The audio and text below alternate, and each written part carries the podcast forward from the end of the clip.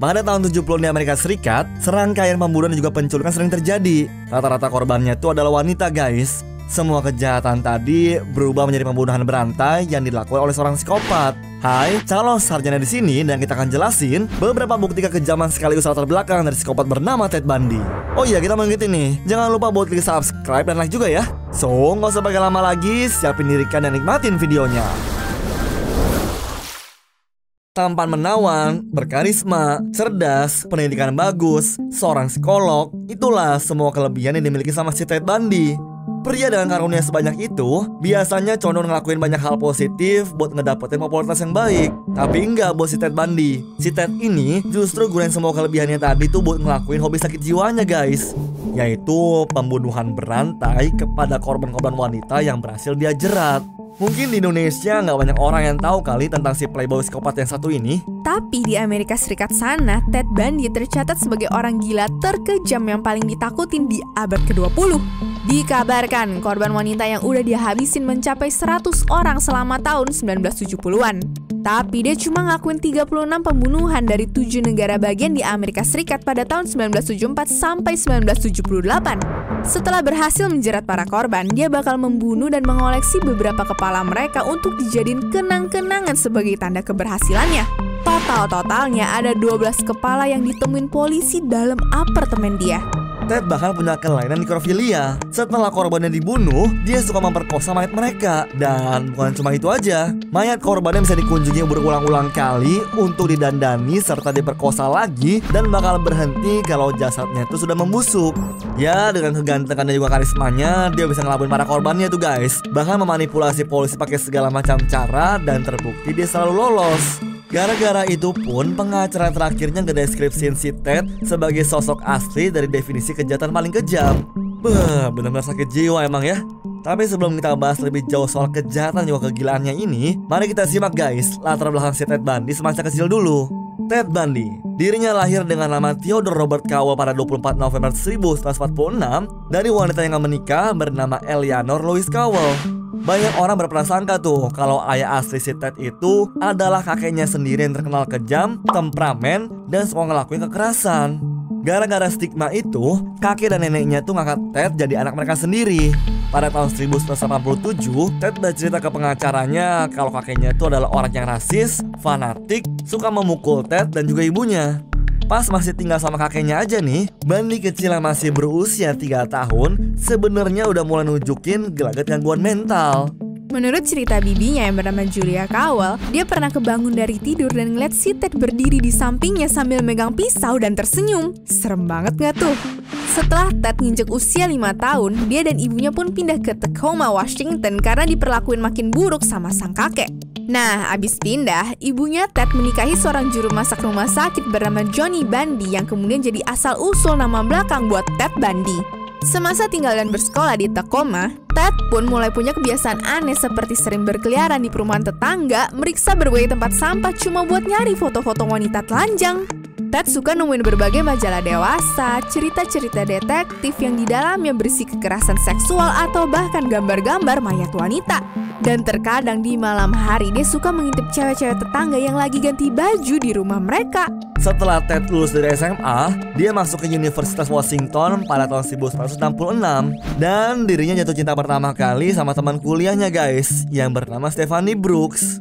Tapi kebahagiaannya cepat hilang guys Setelah diputusin sama Stephanie dengan alasan Kalau Ted kekanak-kanakan dan gak punya tujuan hidup karena sakit hati diputusin, Ted Bundy itu bertekad buat buktiin kalau dia tuh gak seperti yang Stephanie bilang. Pertengahan tahun 1970, Ted Bundy fokus ngebahas perbuatan mantan pacarnya dengan balik ke Universitas Washington mengambil jurusan psikologi. Dan bukan main tuh guys prestasinya Setelah beberapa semester Dia dianggap murid terpandang Dan digemari sama para profesor di kampusnya setelah lulus tahun 1972, Ted Bundy menunjukkan potensinya di bidang politik dan hukum dengan ikut campur dalam proses kampanye pemilihan gubernur Washington untuk Partai Republik. Dia pun kemudian ngambil jurusan hukum di UPS Law School dan keterima karena rekomendasi dari rekan-rekan Partai Republiknya dalam pemilihan gubernur itu. Baru deh guys, semua motif prestasinya terungkap pas lagi ditugasin ke California untuk urusan Partai Republik. Dia berusaha lagi tuh guys ngedeketin mantannya Stefani dengan menunjukkan kualitas dirinya saat itu. Si Ted berhasil, Stephanie Brooks kasmaran tuh dengan sosok Ted yang sukses dan mereka pun CLBK. Setelah semuanya berjalan lancar, pada tahun 1974, Ted malah ngilang tuh dan ngakhir hubungannya dengan Stephanie. Pas Stephanie nanyain alasan kenapa diputusin, si Ted tuh dengan tenangnya ngebalas. Stephanie, kamu ngomong apa sih? Boom, pembalasannya terbayar. Semua itu dia raih cuma buat balas dendam. Segala urusan politik dan perkuliahannya pun langsung dia tinggalin. Dan sejak dari sini guys, Ted Bundy pun berubah 180 derajat. Pada tahun yang sama di 1974, Ted Bundy tuh belum ngelakuin pembunuhan guys. Tapi dia ngelakuin penyerangan sama seorang perempuan 18 tahun bernama Karen Sparks Yang mana adalah seorang mahasiswa dan juga penari dari Universitas Washington saat itu, Ted masuk ke apartemen Karen dan memukulinya pakai batang besi, kemudian ngelakuin pelecehan seksual dengan batang besi itu, guys. Karena penyerangan sadis Ted ini, Karen Sparks koma selama 10 hari sampai cacat permanen pada fisiknya, guys.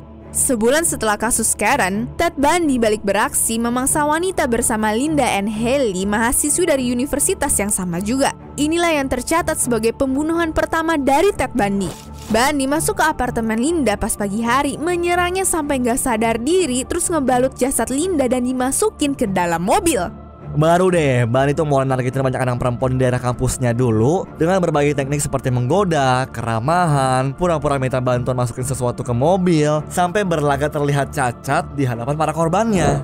Dan setelah para korban lalai, boom, mereka bakal dipukul pingsan, kemudian diikat, diperkosa, dan dibunuh guys.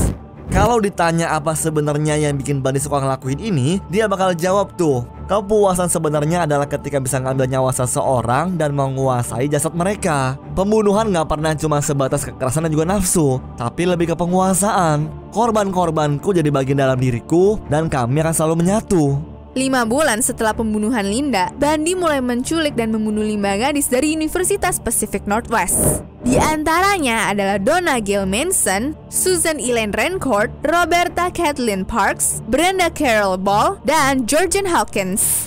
Terus Bandi berpindah ke Utah dan melanjutin pembunuhan, pemerkosaan, sama korban-korban wanita mudanya. Teror demi teror dia cipta di berbagai negara bagian cuma untuk kepuasan psikopatnya menipu, dibunuh, diperkosa, abis itu melecehkan mayat mereka. Dan kalau misal di antara korban ada yang paling memikat hatinya, kepala mereka tuh bakal dipotong pakai gergaji besi buat dia simpan dalam lemari pendingin. Total sih ada 12 kepala tuh yang ditemuin sama polisi dalam apartemennya si Ted Bundy. Ted Bundy menganggap kepala-kepala korban tersebut sebagai tropi kenang-kenangan yang bisa menghiburnya saat dia tidur. Kacau emang.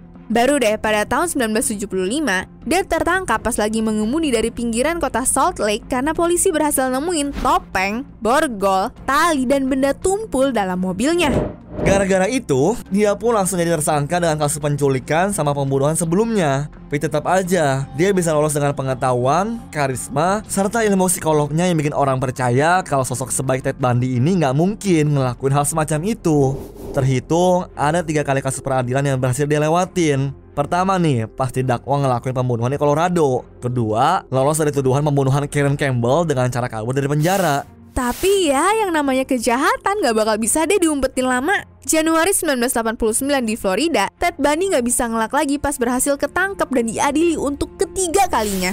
Dikabarkan ada korban yang berhasil kabur dari tikaman Ted Bundy dan langsung laporin identitasnya ke polisi. Nama Ted Bundy pun terekspos ke publik sebagai buronan pembunuh yang harus diberantas. Alhasil, karena sering ngerampok sebagai buronan, dia pun bisa ketangkep dengan mudah. Dengan berbagai bukti yang dikumpulin dari beberapa saksi termasuk keluarganya sendiri, Ted Bundy kalah telak dan langsung dijatuhin hukuman mati untuk terpanggang di kursi listrik.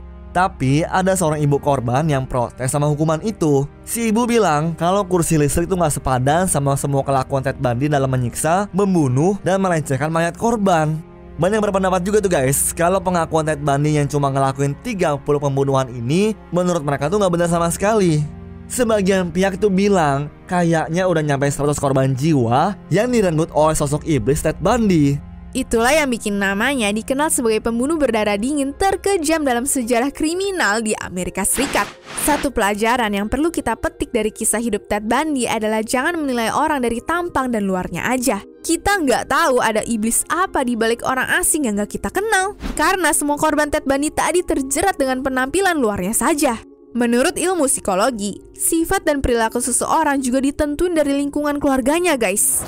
Masalah keluarga yang tadi gue jelasin dalam latar belakang si Ted Bundy udah jelas ngaruh banget sama tingkah laku dia saat dewasa. Anyways, cukup sampai di sini ya guys video hari ini. Sampai jumpa di video selanjutnya. Dah.